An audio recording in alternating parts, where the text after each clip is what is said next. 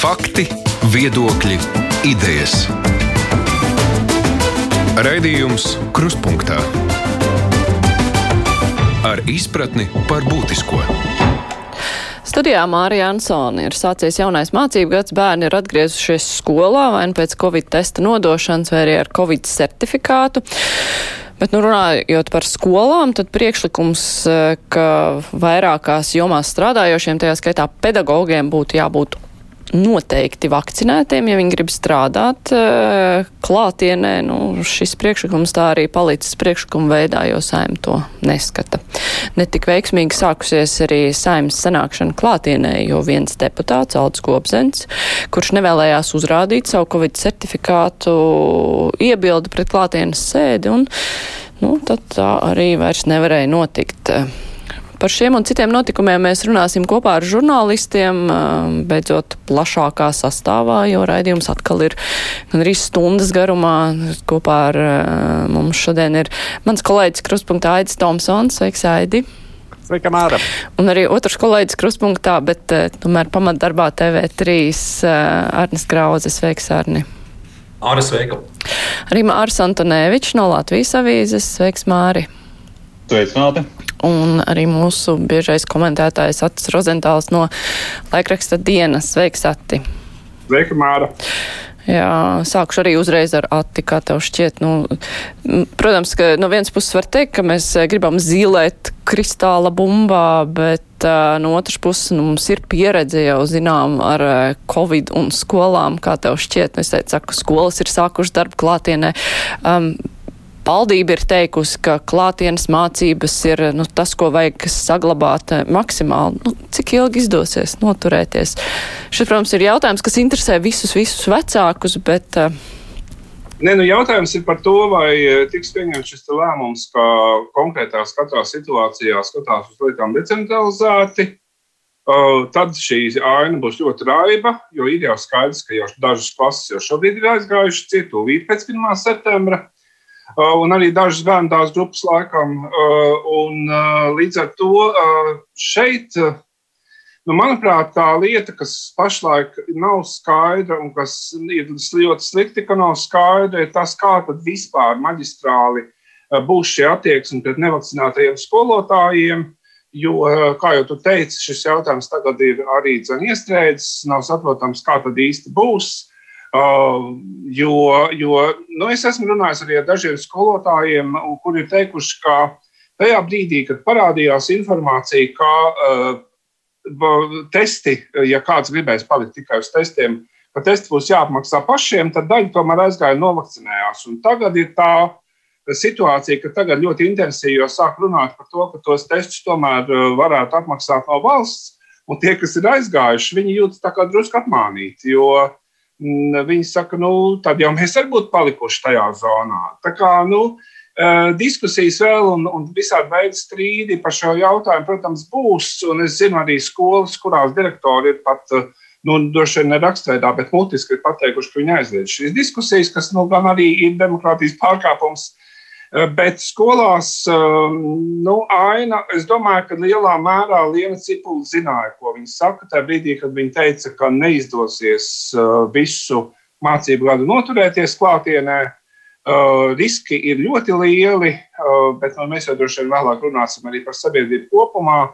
Bet skola jau ir viens no šiem sabiedrības spoguļiem. Un, un tas, kas notika ļoti slikti, tīri psiholoģiski, bija visa šī jēzga un jukas ap tām uh, ap tiem sīkālu testiem konkrēto laboratoriju neizdarības dēļ. Tas bija atkal tāds ārkārtīgi slikts fons, ar ko gadu sākt. Māri, kā tev šķiet, nu kā, kā vispār tiks risināts jautājums ar skolām? No vienas puses var nu, atstāt visu kā ir, un tad eh, nu, ļaut, eh, lai skolas vienkārši turpina darbu. Skaidrs, ja kāds saslims, tad eh, jātais ciet klasi, un tad vienkārši visi dabiski, nu ne visi, bet dabiski daudz aizies strādāt attālināti.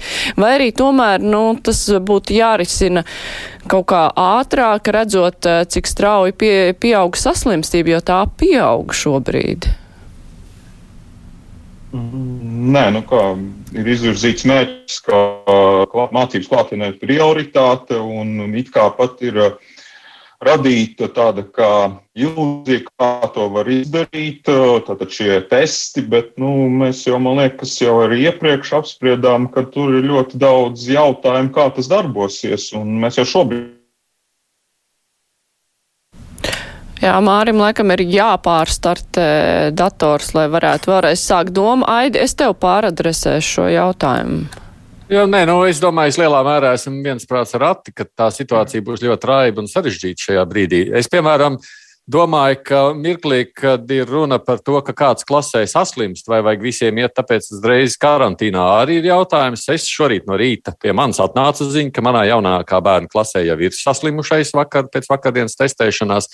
Šorīt no rīta bija neskaidrība, būs ņemts stundas vai nē. Viņš mājās nav atnācis. Tad viņš aizgāja no rīta uz skolu, uzzināja, ka tur ir viņa klasē kāds saslims. Viņš mājās nav atnācis, kas nozīmē, ka visticamāk, ka manas skolas, tās klases pieņemtais lēmums ir turpināt mācības ar visu to, ka kāds tagad ir jau bijis ar pozitīvu testu. No otras puses, man šķiet, ka Es tā kā pat tādā ziņā to atbalstu, jo uh, mans bērns, piemēram, ir jau šorīt dabūjis otro poti. Nu, labi, viņa, tur ir tā dīvainā situācija, ka viņam tikko palika 12, un tur, tur, tur kādiem vēl nav 12. Nu, tur ir tas, tas pa vidu, ka kādi var vakcinēties un kādi vēl nevar vakcinēties. Bet uh, Bet, nu, ja būs tā, ka skola saka, ja kāds saslims, tad viss klase iet karantīnā, tad es domāju, ka mēs ļoti drīz redzēsim, ka visas skolas aizvarās ciet pa, pa klasē, pa klasē, pa klasē. Tāpēc, ka nekur jau neliksies, nu, atvērsies vaļā pēc dažām dienām, nākošais saslims atkal visu uz desmit dienām. Tur liela jēga no šī visa nebūs. Uh, tas, ka tas tūlītās iet vaļā, to es redzu tāpatās bērnu dārzā, tur, kur man sieva strādā, tur jau šodien ir jau kāds grupas ciet. Nu, ir skaidrs, ka būs milzīga raiba aina mums nākošajos mēnešos. Bet tas, ko tu teici, ka skola acīm redzot, tad ir nolēmusi ne, neslēgt klasi, nu, nelaist karantīnā, bet uh, turpināt darbu vai nu, pat ja dod skolām tiesības uh, pašiem lemt, kā organizēt darbu, vai skolai ir jādod lemt arī nu, tik ļoti epidemioloģiski jautājumi, ka mēs atļaujam, teiksim, uh, neizolēties uh, bērniem, kuriem varbūt vajadzētu izolēties. Tas, Bet mēs īsti te... šobrīd, man, man tā pašam šķiet, ka mēs īsti nezinām, kādas tam vienā vai otrā gadījumā būs sekas. Mēs jau varam tur atsaukties uz kaut kādām pieredzēm, kādas ir arī starptautiskajā jomā. Bet īsti jau skaidrs, vai tajā brīdī, kad šis bērns, kuram, protams, nav nekāda simptoma bijuši, viņš jau tiek atklāts ar tiem iekalu testiem nejauši, kā jūs saprotat. Ja? Cik viņi tajā brīdī ir aplipinājuši pārējos klases biedrus, man nav īsti skaidrs. Es pieļauju, ka varbūt arī nē. Tāpēc tas ir tāds jautājums, kurā ir ļoti grūti šobrīd atbildēt, kā ir pareizāk. Es, piemēram, nezinu, kā ir pareizāk. Mm -hmm. Arni. Nu, es gribu sākt ar 1. septembri un tām reportāžām, kuras es dzirdēju radio un redzēju televīzijās no uh, svinīgā 1. septembra, tur, protams, bija redzams, ka vispirms jau paši bērni ir ļoti gaidījuši pirmo skolas dienu, un tur pat tādi, kuri teica, ka viņiem, nu, godīgi sakoties, riebjoties, iet uz to skolu, pat viņi teica, ka viņi beidzot nocietušies, viņi grib būt kopā, šis kopā būšanas un kopā mācīšanas prieks to, to, to mazu un lielu novērtē, un, un tas ir svarīgi. Uh, kas man liekas arī svarīgi, ka tagad ir nolemts, ka pašvaldības un skolas pašas lielā mērā varēs noteikt, kā savu darbu organizēt. Nu, te jāatgādina, ka 1. septembrī Latvijā bija jau viena skola, kur 1. septembris nebija. Tā bija uh, Baltinavas uh, novada vidusskola, kur direktors izlēma, ka 1. septembrī bērnu uz skolu nenāk, jo testi parādīja, ka pāris bērni ir saslimuši. Bet, manuprāt, tas ir pareizi, ka direktors sadarbībā ar vietējo ģimenes ārstu pieņem šādus lēmumus. Nevis kāds Rīgā izlemj Baltinavā uh, mācīties vai nē, jo tā aina patiesi šobrīd ir ļoti raiba. Es uh, nu, pat arī atvēru vakardienas pēdējos datus no SPKC par to, uh, kāda ir šobrīd. Uh, Covid izplatība Latvijā, un mēs redzam, ka ir novadi, kur ļoti strauji kāpj saslimšana, un kur visticamāk tā mācīšanās varētu diezko ilgi arī nebūt. Piemēram, Gulbenas novads, Madonas novads, arī Jēkabils un Valmiera. Tur šobrīd es redzu, Talsu novads, tur ir diezgan augsta saslimšana. Tajā pat laikā blakus novadi Piemēram, Vēncpils novadā ir viens seši saslimušie 14 dienu laikā. Divās nedēļās seši saslimušie, kamēr Gulbenē gandrīz simts. Ir ļoti liels atšķirības. Tādēļ man liekas, ka ir ļoti labi, ka ir pieņemts lēmums, ka pašvaldības un skolu direktori paši uz vietas, redzot situāciju, izlems turēt skolas vaļā vai ciet. Mārī, tavs sakāmais pārtrūkums, vienkārši internet, laikam, kā tev internets eh, kaut kādā brīdī Ies, sabremzējās. Jā, mm. bet, eh, nu, kā tev šķiet, tas ir efektīvākais veids, nu, ka skola vienkārši pats skatās, kā rīkojās, un varbūt kaut kur ir elastīgāk pieeja, drosmīgāk ļauj eh, bērniem iet uz skolu, nu, un ka tādā veidā. Es nu, stipri šaubos, ka tas ir labākais veids, jo tas tomēr labi, mēs domājam šobrīd galvenais par covid izplatību, bet nu, vienmēr jāpatur prātā, ka ir otrs jautājums. Tas ir uh, skolēniem tomēr jāiegūst izglītība. Un tad, ja sākas tā, ka vienā skolā viņš ir iegūst pilnvērtīgāku izglītību, un otrā ir kaut kāda muļļāšanās, teiksim, tur, vai attālināts, vai kādas tur puses, tad tā parādīties kaut kādas tomēr atšķirības starp uh, šiem nu, skolēnu zināšanu līmenī, kaut kādā skolēnu izpratnes, un, un tas jau rada arī kaut kādu nevienlīdzību. Ja tas viss ir īslaicīgi, tad labi, bet mēs jau nezinām, cik tas viss ir, var ieilgt un kā. Un pats šis process, tas jau ir jautājums, cik viņš būs veiksmīgs, šis testēšana iknedēļas, jo mēs jau tagad skat, skatāmies, ka nu, ir neliels haoss, pagaidām kontrolēts, mērens, bet ir, ir jau laboratorijas, kas nespēja nodrošināt, nosūtīt vecākiem šos testus, testu rezultātus. Līdz ar to ārpusskolas izglītība cieši, daži nevar apmeklēt, nevis tāpēc, ka viņi būtu, viņiem būtu pozitīvs covid tests vai kas cits, vienkārši viņiem nav piegādāt tehniski, nav izpildīts šis solījums, kas, kas tika sniegts, kad varēs tāds šiem testiem doties. Un, un es klausos, teiksim, ierēģiņu tādas atrunas, tur jau arī nav nekādas steigas, nu, tā atzīst problēma ir, nu, tā kā jāmeklē risinājums. Bet nu, mēs nezinām īsti, ko darīt. Nu, tā kā mazliet, mazliet tā, tomēr tā problēma, man liekas, tāda, ka pārāk brīvu vaļu tā arī tomēr nevajag ļaut un, un, un kaut kā to visu turēt kaut kādos rāmjos. Nu, varbūt tiešām, ja tā ir prioritāte, tad šeit tas risks ir jāuzņemas mazliet lielāks nu, nekā, nekā tas varbūt ir citur sabiedrībā, nu, kur izklaide kaut, kāda, kaut kādas tādas lietas. Tur, tur varbūt ir nu, brīvāk taisīt cietumu skolās. Varbūt tam riskam mazliet jābūt lielākam, bet nu, tajā pašā laikā nu, ar, ar, ar domu, ka tas kaut kādā veidā tomēr kaut ko citu, kaut kādu procesu veicina, kaut kā, ka skolēniem tas tiem, tiem tomēr ir ļoti svarīgi un vecākiem. Jā, bet Māri, Dīks, Māri, es papildināšu tev arī, jā, jo man liekas, ka tomēr uh, tu jau vari teikt, ka jātur to ir rāmjos, bet tu jau tu, nekur, tur nevar neko tur noturēt. Tur neko nevar noturēt. Ar to, ja arī pieņemsim, pedagogi būs visi vakcinēti, tas jau skolā situāciju nemainīs. Tie testi jau pārsvarā atklāja bērniem, ne jau skolotājiem to saslimšanu pirmkārt. Otrakārt, tā, tā dažādība, kāda ir izglītības līmenī, arī jau iepriekš ir bijusi. Visu pagājušo gadu attālināto mācību gadu mani bērni mācījās dažādās skolās. Es redzēju, cik ārkārtīgi dažāda kvalitāte ir. Kamēr viena skola spēja nodrošināt arī attālināti kaut cik kvalitatīvu mācību, otra nespēja manā skatījumā to nodrošināt.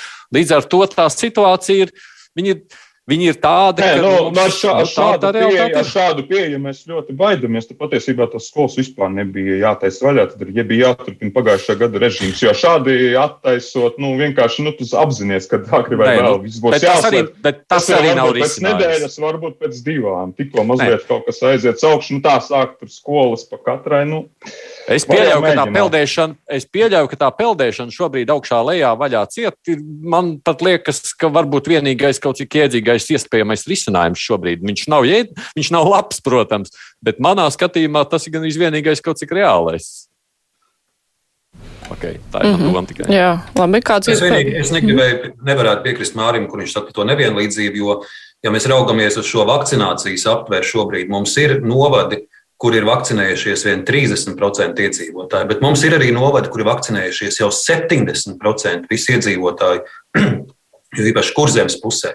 Kādēļ viņiem, kuri ir gājuši, potējušies, kuri ir bažījušies par šīm blaknēm, un varbūt kāds arī trīs dienas pēc tam ar temperatūru gulējis gultā, Kādēļ viņiem, uh, viņiem neļaut, uh, viņu bērniem neļaut iet uz skolu? Jā, plus, plusārni, plusārni, plusārni. Es zinu, man liekas, es jau dzirdu šobrīd, ka ir klases, un tas gan ir vecāko skolēnu klases, kas saka, da, davai nevar teikt, vakcinējamies. Uztaisam, ka mēs visi klasi vakcinējamies, un lai mēs varam strādāt. Ir arī tādas klases, un kāpēc viņiem, ja viņi to uzliek kā mērķi, un tas ir interesanti, ka jaunieši mēģina šādā veidā uh, to lietu kārtot. Jā, no, viņiem aizliegt. Man liekas, ka vairāk ir nevis par, nu, par vakcināciju, tas ir jau cits stāsts. Jā, ja, teiksim, skolotājs izvēlējies nevakcinēties un viņš, un viņš apdraud klasi, tas ir atsevišķs stāsts, bet es šobrīd vairāk domāju to stāstu par skolniekiem un es sevišķi līdz 12 gadu vecumam, kuri uh, nevar, ne, kuriem nav šīs vakcīnas, ka tur, ka tur par, par šo stāstu vairāk nevis, ka tagad sodīsim viņus par to, ka viņi tur kaut ko tur, nu, man liekas, ka tur vispār nevar būt runa par to, ka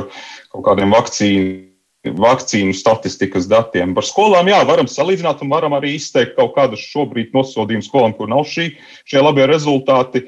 Jautājums ir, vai mēs nu, vai nes, nesāksies izplatība arī tajās skolās, kur ir šī labā vakcinācija. Mēs zinām, ka kāds procents joprojām ir no, no tiem, kas ir potējušies, arī vakcinēti. Nu, šajā gadījumā arī vienalga karantīnā būs jāiet, kaut arī viņš vakcinējies, izplata šo infekciju tālāk. Pabeidzot, šo man bija interesants vērojums 1. septembrī pēc šīs svinīgās svinīgā rīta skolās es gāju cauri lielveikalu Alfa, kur ir uh, vakcinācijas punkts. Un, ko es tur redzēju? Man šķita, ka tur tiešām pat veselām klasēm nāca jaunieši no 12 gadu vecuma, kuri var vakcinēties un stājās rindā. Un rinda bija pa visu garo gaiteni Alfā, akurāt tieši ar, ar jauniešiem. Jā, nu man liekas, ka šo, paturpinot šo diskusiju, te ir vēl viena lieta, ka runājot par šo skolotāju vakcināciju, tagad parādījās vakardien tāds interesants aspekts uh, no uh, pedagoģa arotbiedrības puses, ka viņi tagad uh, pēkšņi vēlas, lai testus veiktu arī vakcinētiem skolotājiem. Un to es, um, godīgi sakot, varu teikt, ka es to nesaprotu, bet es to saprotu, jo skolotāja arotbiedrība tā vietā, lai mudinātu cilvēkus vakcinēties, mēģina nodot šo situāciju uz otru pusi, šo vakcinācijas efektivitāti apšaubot un mēģinot pielīdzināt, ka tomēr jāuzstājas visiem, jo arī vakcinēti cilvēki slimo. Bet, bet katrā gadījumā runājot par šīm skolām un klasēm, nu, tur droši vien kā skolu vadībai, nu, visticamāk, jau ka ir kaut kāda, teiksim, novilkta kaut kāda nu, priekšraksti, Eh, pie gadījuma X jūs varat rīkoties tā un tā. Eh, ja tādu priekšrakstu nav, tad tādus vajadzētu sagatavot, lai viņiem ir kaut kāda ceļa karte, eh, lai nebūtu jā, jāimprovizē pilnībā uz vietas. Bet es zinu arī teiksim, nu, konkrētu gadījumu, kad šīs laboratorijas sliktās kvalitātes dēļ uz 1. septembri kādai skolai nebija vispār nekādu datu, kas tad īsti ir, bet viņi tomēr pieņēma lēmumu šo 1. septembrī 1. septembra pasākumu sarīkot, jo tas notika brīvā dabā, tad tas apdraudējums ir mazāks. Un tas notika. Un tad mēs, protams, pēc tam, pēc šī rezultāta, kas nu tagad būs, vai kāds būs saslims vai nē, mēs, protams, ar atpakaļējušu datumu varam gudri runāt un teikt, varbūt tā vajadzēja rīkoties, vai varbūt tā nevajadzēja rīkoties. Bet, uh, bet uh, nu, konkrētais skolas direktors pieņem lēmumu, ka tomēr šo 1. septembri pie situācijas, kad mēs nezinām, kas īsti ir uh, noticis vai nav, riskēt un tomēr sarīkot, jo, jo kā jau te izskanēja, nu, tās gaidas no skolēnu puses, ka šis uh, mācību process notiks klātienē, protams, ir milzīgas un tīri emocionāli. Uh, nu, ir, ir tiešām jādara viss, lai, lai viņi varētu mācīties klātienē. Vēl viens aspekts, kas man likās ļoti interesants no Rudolfa Kalāna izteiktā, ir tas, ka visa šī situācija ļoti labi, ļoti strādā uz tālmācības vidusskolām. Un uh, ir viena daļa, kas uh, vecākas domā, no nu, apmēram tā, nu, ja jau skolas mācīsies attālināti, tad mēs labāk pārvirzam uzreiz savu bērnu uz tālmācības vidusskolu, kur viņš garantēti mācīsies attālināti. Bet te jau atkal tas jautājums, vai tiek nodrošināta kontrole par kvalitāti, kas tur notiek. Jo mēs zinām, ka tālmācības vidusskolas atsevišķas pilnā nopietnībā uh, piedāvā beigt divas klases vienā gadā. Un tad ir atkal jautājums, vai tā ir tā kvalitāte, uz ko mēs gribam virzīties. Jā, nu līdz šim mēs tā runājām tikai par skolām, bet uh, kas notiks ar visu pārējo? Jo nu, šobrīd valdība nelēmi par jauniem ierobežojumiem, runāšot ar sociālajiem partneriem. Saimā mēs arī zinām, nu, tas noskaņojums, kāds ir arī nu, tāds atšķirīgs no valdības bieži vien, ja ir runa par kaut kādiem ierobežojumiem. Un nozars jau sāk satraukties par to, ka, teiksim, skaistumkopšanā tur saka, ka tikai vakcinētie frizieri varēs strādāt un ka tur cenas celsies un, uh, un viss būs slikti. Nozars arī sāks protestēt. Nu, kas notiks ar visu pārējo tādā gadījumā? Un, jo, un vai ir skaidrs, uh, kādu taktiku īsti valdība grib piekopt, jo iepriekš vasaras sākumā, nu, vasaras vidū, ka mēs runājam, nu, kā valdība rīkosies, tad tika dots solījums, mēs būsim ļoti aktīvi, ātri, mēs aiztaisīsim vajadzības gadījumā ciet uzreiz visu, un tad ātri, ātri apturēsim vīrusu, un tad varēsim atkal visu vērt vaļā. Vai tas, kas šobrīd notiek, liecina par to, ka šāda taktika vispār tiks piekopta? Vai ir skaidrs, kādu taktiku valdība taisās piekopt? Aidi. Šādai taktikai arī nevajadzētu vairs būt, kad tad viss taisiet un atkal pēc tam viss var vaļā, tāpēc, ka nu ir pieejams vakcīnas. Tā situācija ir citādāk nekā tā bija pirms gada. Līdz ar to es domāju, ka tur grib vai negrib, mums patīk vai nepatīk, bet valdībai nāksies rēķināties ar zināmu šķirošanu. Un tas varbūt šajā situācijā ir ļoti normāli. No otras puses, es, es pat ļoti neraizējos par to, kas notiks. Valdībai ir jādomā par kaut kādām publiskām vietām, no kurām es nu, esmu nu, kaut cik atkarīgs no citiem. Tas ir par tiem noteikumiem, kāda ir sabiedriskajā transportā. Es nezinu, te ir kaut kādā brīdī, kurā es atrodos publiski pakalpojumu saņemšanas vietās. Viss pārējais, es teiktu, nu, taisnība. Nu, tā jau ir šobrīd katra cilvēka izvēle. Kā teica Zatlers, agrāk izskatās jau, ka tas uh, dēls variants, un es nebrīnīšos, ka nāks nākošais vēl lipīgākais uh, uz priekšu. Nu, kādā brīdī jau nu, grib vai negrib, vai nu visi izslimos, un kas tur izdzīvos vai neizdzīvos, vai arī tie, kas vakcinēsies, nu, arī kaut kādā brīdī vai nu izslimos vai neizslimos. Nu, sadzīvosim mēs ar to, nekur jau neliksimies. Tagad jau šobrīd ir katram cilvēkam diezgan liela izvēle, nu, cik lielā mērā viņš grib riskēt. Tā varētu būt tā, ka tiks nu, izlemts par taktiku, nu katrs glābi pats sevi. Tā kā, nu, no, es jau tev teicu, jā. tajā brīdī, ja ir runa par to, kur es eju, ko es daru, vai es vakcinējos vai nē, un ar tādu, cik es lielā sabiedrībā eju, tas kaut kādā brīdī pieaugušiem šobrīd jau ir paši izvēles jautājums. Tas, ko es teicu, tā, tas, ka valdībai ir jārūpējas, kas notiek tajās vietās, kur, nu, kur man ir neizbēgams pakalpojums saņemšanām. Mm. Jā, bet redz, AID ir jau pieredze citās valstīs, kur arī šie tiek kaut kādā veidā regulēti. Man gan nav nejausmas, kas īsti šobrīd notiek Itālijā, bet Itālijā no 1. septembra taču sabiedriskais transports ir uh, cilvēkiem. Jā, sab sabiedriskais transports, tur jau gan skolotāji visiem bija obligāti jāvakcinējas, un tur jā, bija ļoti vienkārši. Viņus nevis atlaida Itālijā. Itālijā pateica tā, ja jūs neesat vakcinējušies šodien, tad jums ir, uh, ja jūs piecu dienu laikā neesat to izdarījuši, jūs tiekat at, atstādināti no darba bez darba samaksas saglabāšanas. Skaities nu, formāls skolotājs, bet realitātē algu vairs nesaņem un strādāt nevar. Un Itālijā viss vakcinējās, grib vai negrib. Un tur neviens, kā redzams, ielās neizgāja, un skolotājs streiks nerīkoja par šo. Bet, nu, katrā ziņā, jā, es domāju, arī tīri, nu, ja mēs runājam par to, ko tu saki, ir kaut kādas tās atsevišķas zonas, kur to nevar, nu, ir valstis, kuras mēģina pat šajās zonās jā, regulēt. Jā, jā. Es tiešām nezinu, kā tas darbojas, jo uh, Es biju Itālijā un nedēļas laikā ļoti daudz braucu ar vilcieniem. Man vispār biļeti pārbaudīja divas reizes nedēļas laikā. Kā tas notiek šobrīd, kā šis mehānisms jāpajautā kādam, kas šobrīd Itālijā ir, jo latvieši ļoti daudz šogad uz Itāliju brauc. Bet, uh, Bet tas, ka ir atsevišķas valstis, kurās arī šīs jomas tiek regulētas un tiek regulētas šādā veidā ar, ar certifikātu, uh, tā, tā ir taisnība. Uh, Nu, man liekas, ka arī tomēr ir ļoti nopietna un, principāla izšķiršanās par to, cik lielā mērā mēs paļaujamies uz to, ka cilvēki testējas un vai viņi testējas par valsts naudu vai, vai par tomēr personiskiem līdzekļiem, ko nu, ko nu tomēr arī ir jautājums, vai mums kā vakcinētiem cilvēkiem ir jāfinansē nevakcinētu cilvēku testēšana. Es domāju, ka nav apstākļos, kad vakcīnas ir brīvi pieejamas, bet, bet katrā gadījumā tas, ko, kas vakardien notika šajās konsultācijās ar sociālajiem partneriem, tur izrādījās, ka sociālai partneri vairāk domā nevis par to, kādā veidā šo situāciju vērst, nu, stimulējot vakcinēšanos, Bet, vi, bet tur vairāk bija runa par to, kā mēs varētu šo lietu apiet, kā mēs varētu vairāk atzīt testēšanu, kā mēs varētu vispār uh, Teikt, ka cilvēki ar augstām antivielām jau nu vispār viņiem nekas nav jādara, ko epidemiologs atķēra galvas un teica, ka tā nu gan tas nav.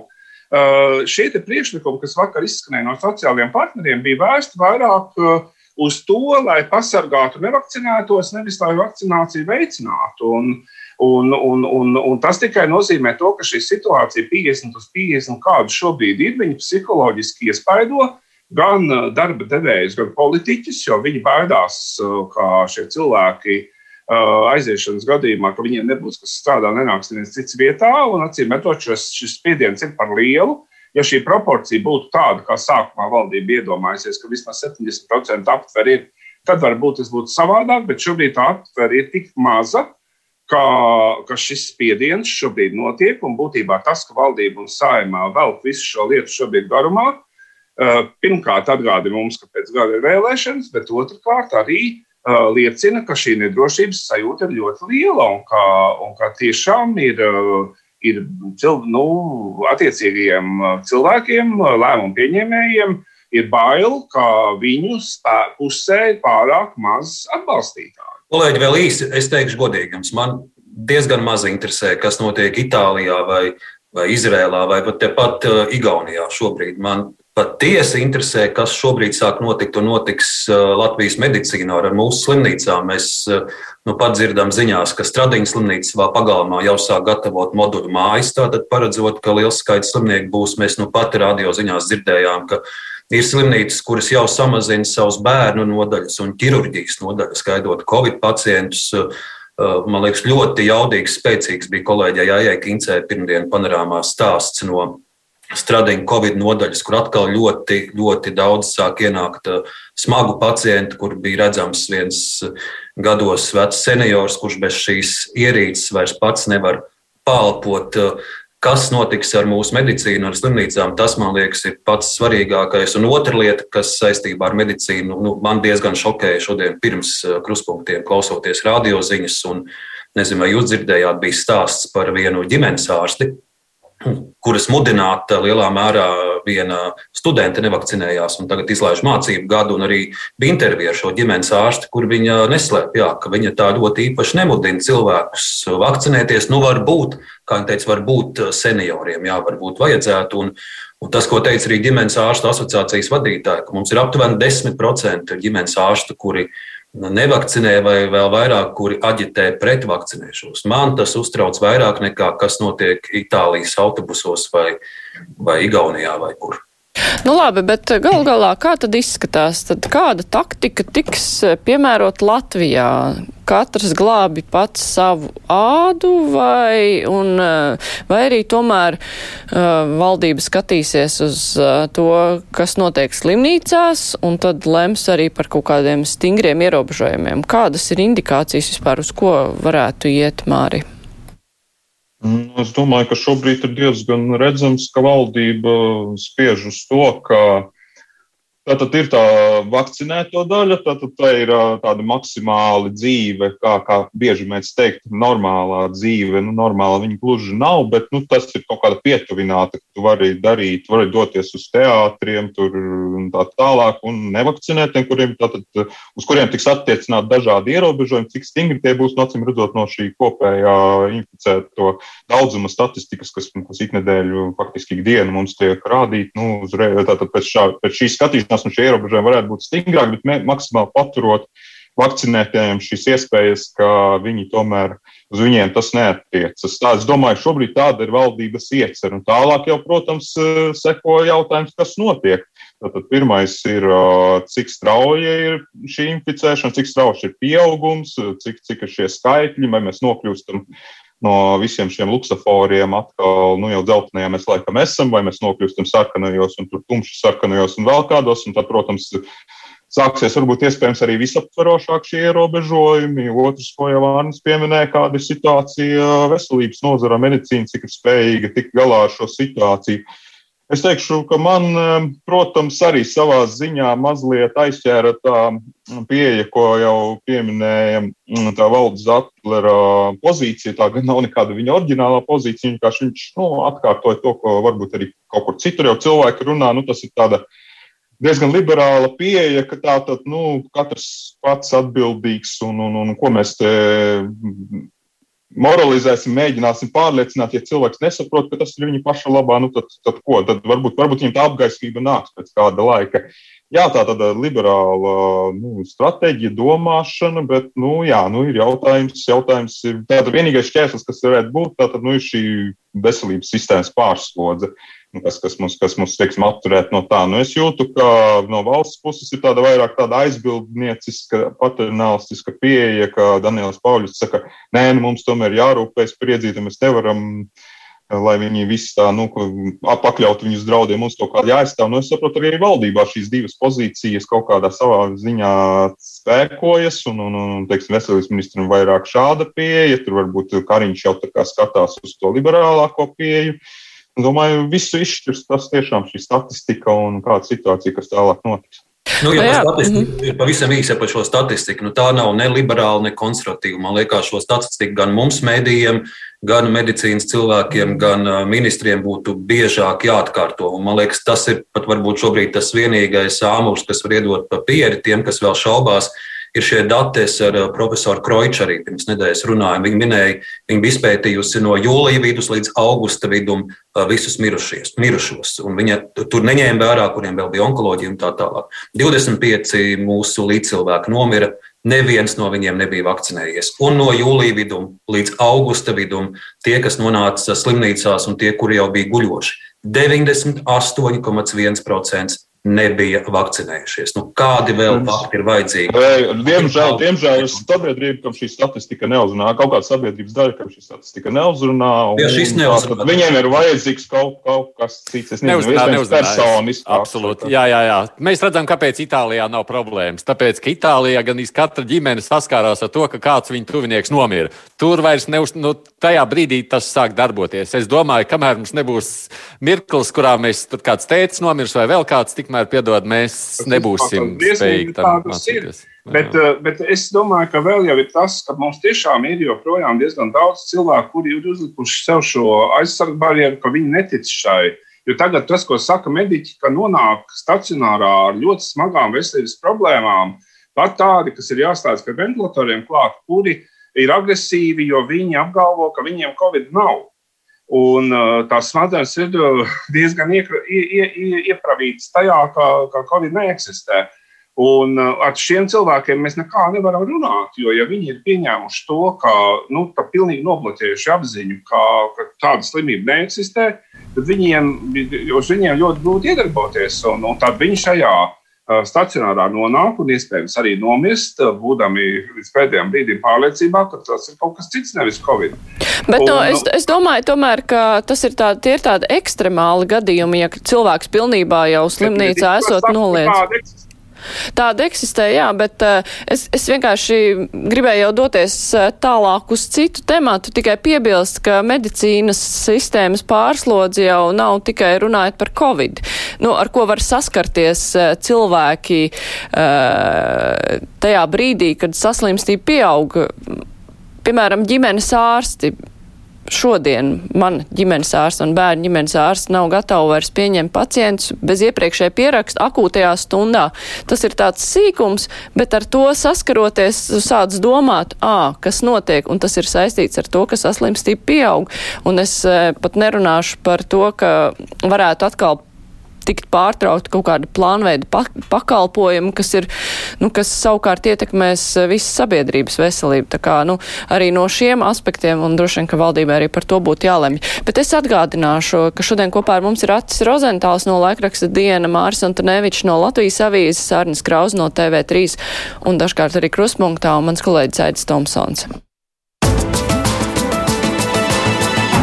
Raidījums Krustpunktā to, kas vakar notika saimā. Saima priecīgi sanāca uz klātienes sēdi, un uh, deputāti tur Twitteros lika selfijas, cik viņi smuki ir satikušies un laimīgi, ka var beidzot runāt, un tad uh, parādījās Aldis Gobzems, kurš atteicās uzrādīt savu Covid certifikātu, kurš, cik es saprotu, viņam ir, bet viņš principiāli to neuzrāda. Un gal galā iebilda pret to, ka šī klātienes sēde notiek un nekas vairs nenotiek. Kā raksturot šo situāciju? Kas tas bija? Tik viegli var uh, ietekmēt saimas darbu, kaut kas nav izdomāts līdz galam. Tas bija ļoti labs variants. Es patiesi, nu, ma, ma, Es kaut kā biju iedomājies, ka tas būs pašsaprotami, ka Gobzems tā rīkosies. Nu, man vismaz tā likās, ja man būtu prasījuši pirms trim dienām, vai viņš tā darīs, es teiktu, jā. Ja tu būtu tāds Gobzems, tad tā ja darītu. Ja? Es, būtu, es tā darītu, un man liekas, viņš darīja ļoti tas, kas man pārsteidz vakar ka iestājās saimā apjukums. Ot, tas mani pārsteidz tajā brīdī, ka viņi nesaprata, ko tālāk darīt, un tad tu pārgāji uz attālināto. Un man liekas, ja nu kādreiz, es, šī nu būs tā reize, ka es uzslavēšu Aldu Gobzemi. Piedodiet, nu varbūt tas ir arī ar tādu zināmu ironiju, bet es domāju labu ironiju. Jo galu galā, man liekas, tas beidzot parāda to, kādi mēs esam. Ja? Mēs esam ja nu kam bija jāgab, jābūt gatavam šādam pavērsienam, tad tai bija jābūt saimai.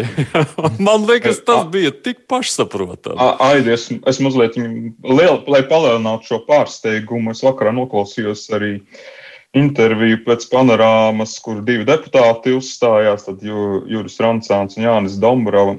Un, un lielākais atklājums un pārsteigums tajā brīdī man bija, ka šis arī bija tas plāns Viņi arī acīm redzot, bija gatavojušies, ka Gobzems uh, tā darīs. Plāns tieši arī bija tāds pāriet uz ēsājumu. Tajā brīdī Gobzems mūs sāk tur provocēt, un mums ir hop, mums ir izējas stratēģija, ko mēs šajā brīdī darām. Vienkārši tas, ka cilvēki nesaprot, un, un tiešām kā, kā, kā var būt tik dīvaina šī.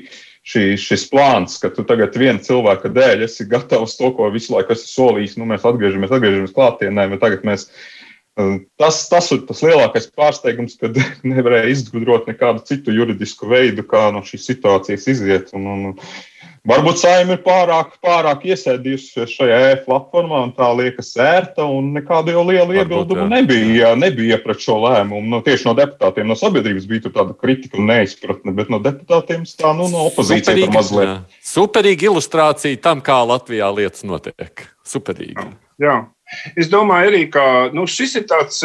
Šis ir tāds piemērs, ka Gobzemam ir tāda taktika no sērijas klasē Jānis no pēdējā sola, kurš pūš burbuļus ar požģēniem visu stundu laiku un ļoti labi zina, ka skolotāji viņam neko nevarēs padarīt. Es domāju, ka šāda veida testēšana, ko var, var vai nevar pret atklātu nekaunību, Uh, ir tikai ziediņš šobrīd. Es domāju, ka būs visādi veidi vēl darbības.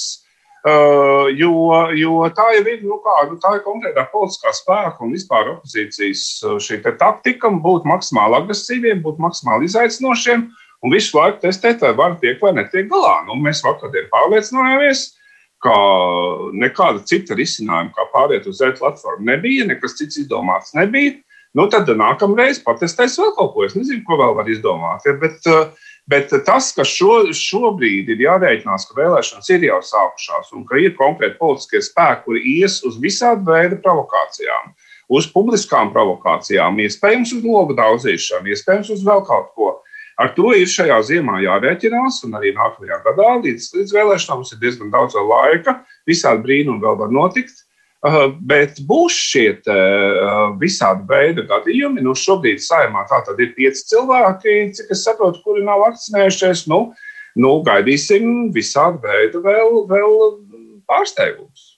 Jā, nu es gribu turpināt šo statistiku, kas man vakar likās interesanti. Tātad vakardien atklāja, ka 95 saimnes deputātiem ir Covid certifikāts, vai nu viņi ir vakcinējušies, vai nu viņi ir izslimojuši. Vien pieciem nav.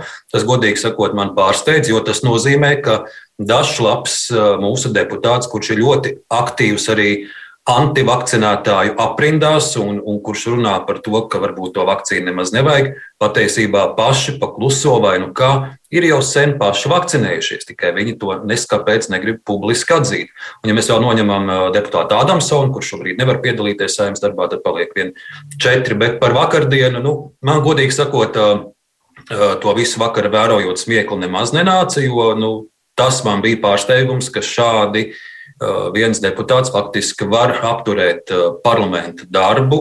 Man, bija, man izskatījās, ka nebija īsti plāns izdomāts, ko un kā darīt.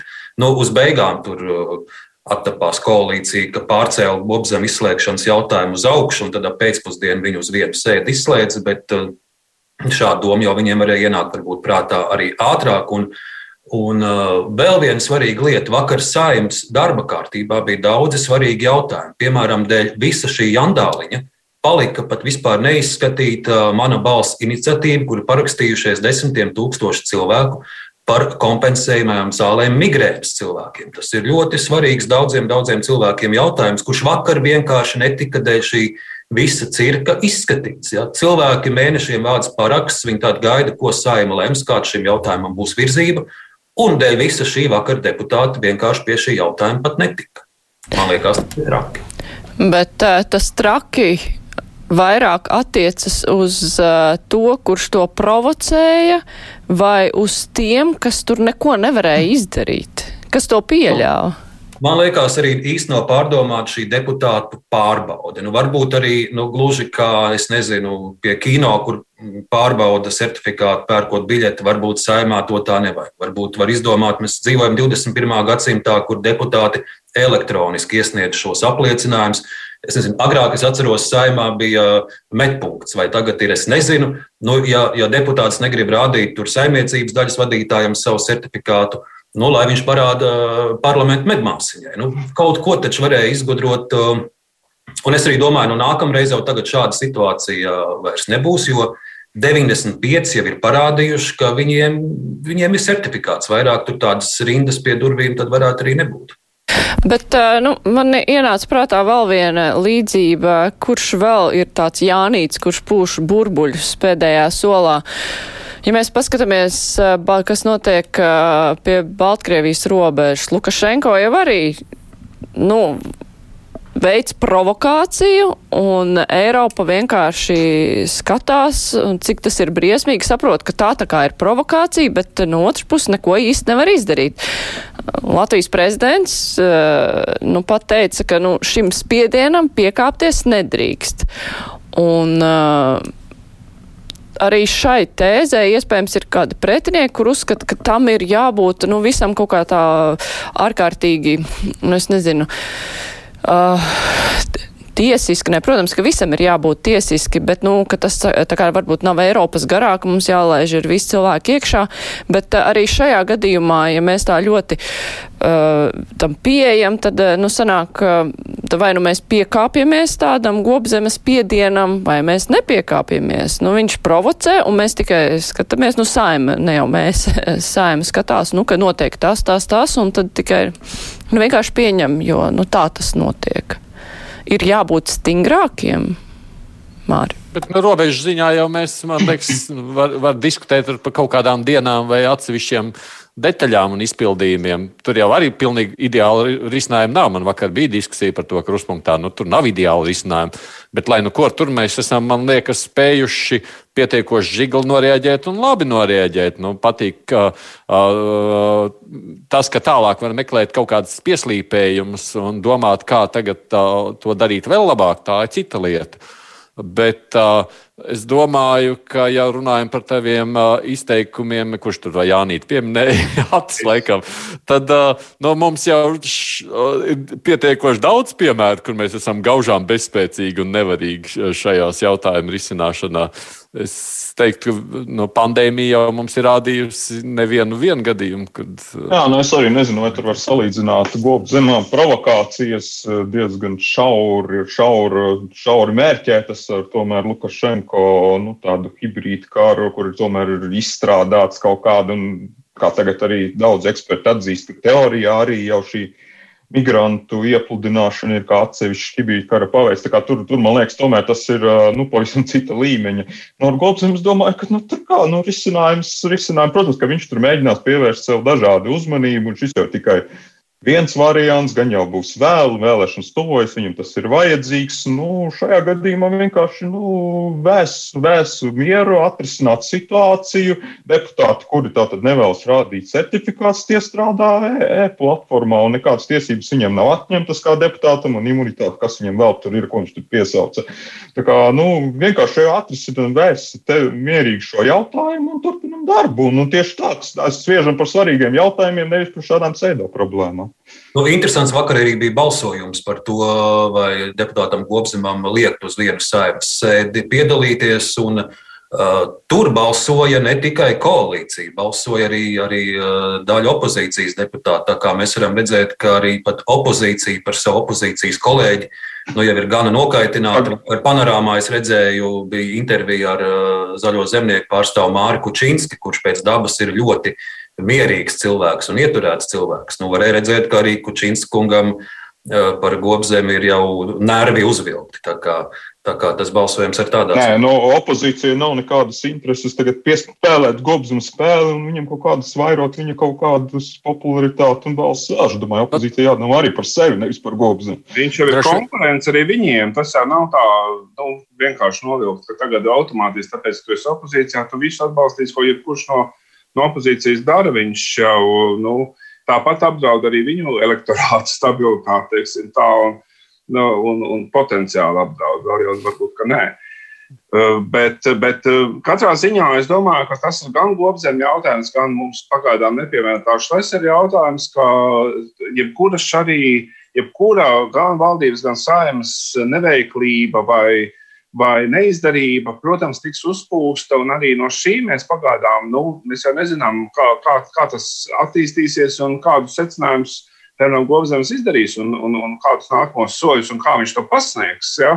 Bet, eh, bet eh, valdībai un, un saimnes vairākumam ir šobrīd ļoti jārēķinās ar to, ka katrs sīkākais iemesls, kur eh, aizbāzt, teikt, to, to, to nazīti un pagriezt, tiks izmantots un, un, un jebkurā gadījumā Eh, jebkurā situācijā ir iespējami dažādi mēģinājumi kaut ko noraut, kaut ko sagriez, sagrozīt, noraut kādu balsojumu un tā tālāk. Ja drīkst, es nolasīšu, kamēr mēs tur runājam, viens koalīcijas partijas vadītājs man ir atrakstīja, uh, reaģējot uz to, ko mēs šeit šobrīd runājam, saka, raksta man šādi. Jā, ēsājuma bija plāns B pamatā tādēļ, ka bija bažas par vēl nopietnākām provokācijām un lai novērstu eskalāciju, jo varēja būt sliktāk. Un neviens negrib Jānīt padarīt par varonu mocekli, kā bijušo partijas biedru pirms gada. Bet es teiktu, ka, manuprāt, tā, tādā gadījumā šis plāns B neko nav līdzējis. Jānis ir veiksmīgi, kā mēs redzam, to izmantojis un vinnējis šajā spēlē. Pilnīgi noteikti tas plāns B ir ļoti slikts plāns. Tāda ir mana versija, vai ne? Tur pilnīgi noteikti varēja atrast labāku plānu nekā, nekā šo. Nu, man, jā, man sajūta, ka šis noteikti nav tas jēdzīgākais veids, kā to vajadzētu darīt. Mm -hmm. Bet nu, skaidrs ir viens, ka tas, kas notiek, ir lielā mērā arī nākamgad gaidāmo vēlēšanu provocēts. Noteikti. Un, nu, izskatās, ka nu, pēc uh, kaut kāda brīža arī tas jauno partiju birums apsīks, uh, jo tikai gadu pirms vēlēšanām uh, dibinātās partijas, nu nevēlāk kā gadu pirms vēlēšanām dibinātās partijas var piedalīties vēlēšanās. Nu, pat parādījās vēl viena partija, Vjačeslava Dombrovska dibinātā partija, Republika. Tur it kā var nojaust uz kādu elektorātu tā tēmē, um, jo viņš pats ir nācis no partijas saskaņa, tā ir tā pēdējā viņa iepriekšējā partija, kas ir bijusi. Uh, to viņš dibināja kopā ar uh, brāļiem ģirķeniem, bijušajiem KPVLV. Kāpēc uh, viņam bija vajadzīgi tie brāļi ģirģeni? tas ir kāds eh, nopietnas elektorāta daļa, ko viņš ar to grib eh, dabūt. Kā jūs redzat vispār šīs partijas vietu tajā konkurencē eh, par saimnes mandātiem? Jo viņi it kā nav tie, kas izmantotu tagad vakcīnu jautājumu. Viņiem ir, nu, mazliet cita retorika. Atti. Jā, es runāju arī ar kolēģiem.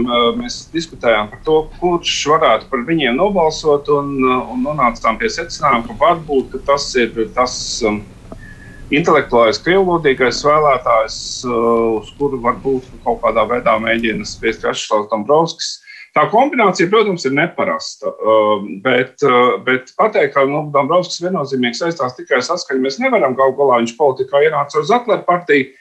Bet, uh, bet Es domāju, ka tur nu, gan mums ir drusku jāpagaida, kā tas attīstās un uh, ar kādiem vēstījumiem viņi iznāk. Jo, jo, jo nu, es domāju, ka viņi mēģinās kaut kādu veidu tādu nosacīt pragmatisko opozicionāru uh, pārvilināt pie sevis, jo, jo nu, nebūsim jau naivi. Nu, ir ļoti daudz cilvēku, kuri negrib būt ne antivakseru, ne, ne logu sitēju pusē, bet kuri negrib arī balsot par valdības partijām. Un, jebkurā šāda jauna partija, kur iznāk nevis ar tādiem, nu, kā boikota partija, teiksim, kaut kādiem radikāliem paziņojumiem, bet kur iznāk ar tādiem nosacīt pragmatiskiem paziņojumiem, viņa var mētiecīgi strādāt, apaudzēt, protams, kaut kādu savu um, savu atbalstītāju loku. Es pagaidām neesmu ļoti pārliecināts, ka viņiem tas izdosies, jo Vjačeslavam Dabrovskim apbrīnojamā kārtā nepiemīt tāda liela harisma.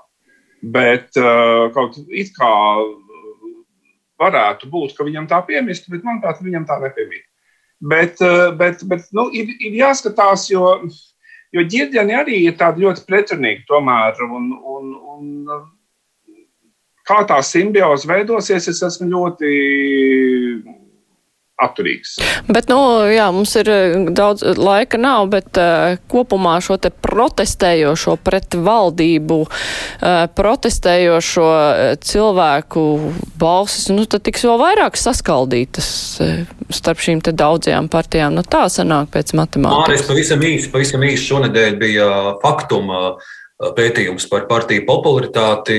Faktumi līdz šim no manas pieredzes diezgan precīzi pirms vēlēšanām ir trāpījuši. Un, un tas atkal viņu aptauja parāda, ka, ka mēs dzīvojam tiešām dažādos burbuļos. Jo, ja var ticēt faktumu aptaujai, tad tur vienotība, daudz kritizētā vienotība ar Kariņu ir pirmajā vietā šobrīd. Un, ja tur sadalās balss, tad pēc saskaņā ar šo aptauju šobrīd koalīcijai ir ja šodien balsot ļaudis būtu vairākums. Es, es nesaku, ka es šai aptaujai ticu, jo SKDS atkal parāda uh, diezgan atšķirīgus datus, bet Bet nu, nav tā, ka, ka, ka visi gaida tikai jaunos politiskos spēkus un, un gāna tos, kas šobrīd ir pie varas. Tā arī gluži nav. Jā, nu skaidrs, ka nav. Ir tīpaši nu, jāņem vērā tas, ka lielā mērā arī cilvēku noskaņojumu noteicis arī šis te uh, Covid jautājums un ir, kuri saprotot, ka kaut kas ir jādara, atbalsta, nu, tā konceptuāli valdību un, un tie, kuri protestē pret visu. Nu, diemžēl situācija ar tādu ir. Bet man ir jāsaka paldies uh, diskusijas dalībniekiem Mārs Antonēvičs, Latvijas avīze Acis Rozentāls laikraksts Diena,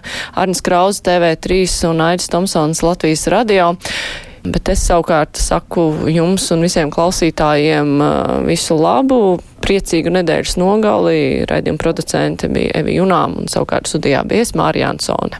Laimīgi!